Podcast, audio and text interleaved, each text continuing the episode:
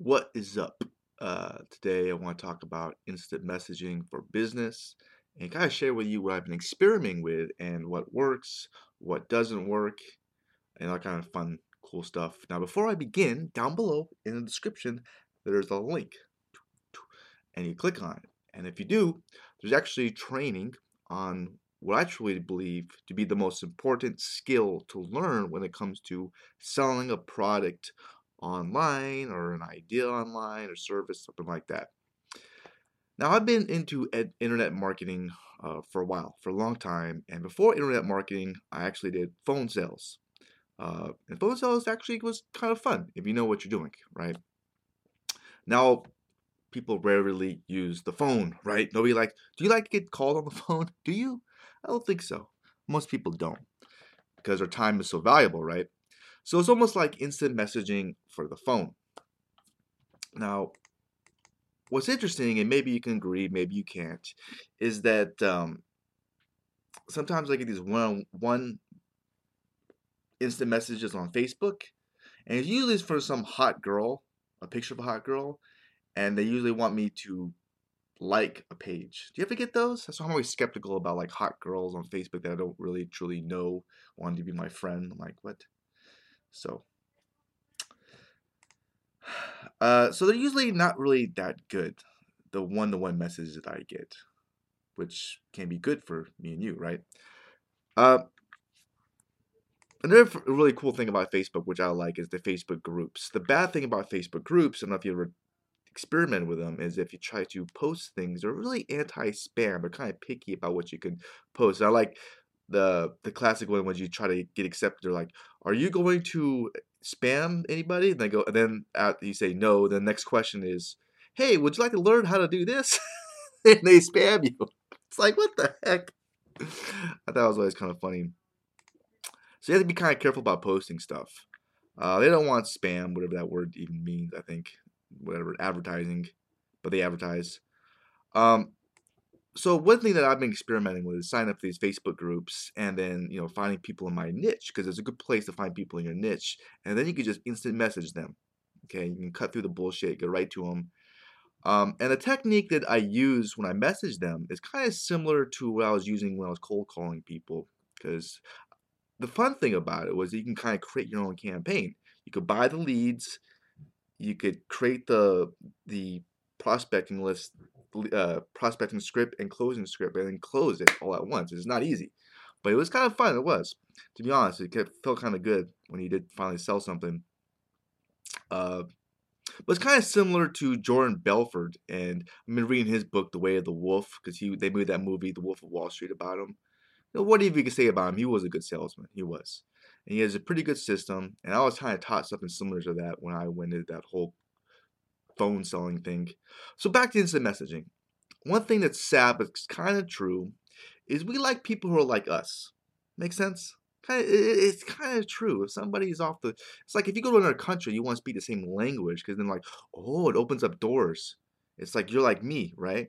We we buy from people we like. You know, it, it there is some truth to that. And um, he did an interview on the Breakfast Club, which is this radio program and they were talking about this. Uh, Jordan Belfort did, and it was a really interesting conversation. Uh, it's not like a race thing. It's it's just kind of like, you know, there's some truth to it. I can't I can't explain it too good, but so that what I do is I try to tap into that when I first contact people. Hey, I see we're both, you know, I see that you're uh, we're both into affiliate marketing, right? You know, or something like that. I see I see that we're both uh, you know into affiliate marketing. And then what I do is you have to kind of promise something a little bit unbelievable because the reality is, and this is true, we're all lazy. Okay, we don't like to do stuff, especially if it's new. We don't like new stuff. Um, so what I do is I sold a presentation, just like in phone sales, but I do the same thing, internet marketing, like a video uh, that explains it a little bit more. Uh, but yeah, you get to promise something a little bit unbelievable, uh, so if I said something like, you know, would it be worth one hour of your time to learn how to make an extra five minutes, like five dollars a month? You're probably going to say no, right? It's like not worth it. So whatever industry you're in, you want to make it as short as possible. I say I have a two minute video, so I say, hey, would it be worth two minutes of your time to learn how to double your sales in affiliate marketing? And you might think, oh, that's bullshit, but what if? And they might just out curiosity, because curiosity is key. Click on and check it out. And that's what you're trying to get people to do. And that's what i have been doing. Uh, so they say yes in their head. Uh, so then I send them to a video. I use OptimizePress, but you can send them to a YouTube video if you want. Just make it upload. It's very simple. Um, and that's what I've been kind of doing. And so far, you know, I do kind of with Facebook, they're kind of picky. I've been blocked before, and you, you, get, you can unblock your account. Like one is like friends. If you try to like add friends in the same niche as you are, they go, you'll hit with a big message. We recommend only adding friends of people you know because they don't want you to, you know, I mean, they're trying to, they want to make money off of you.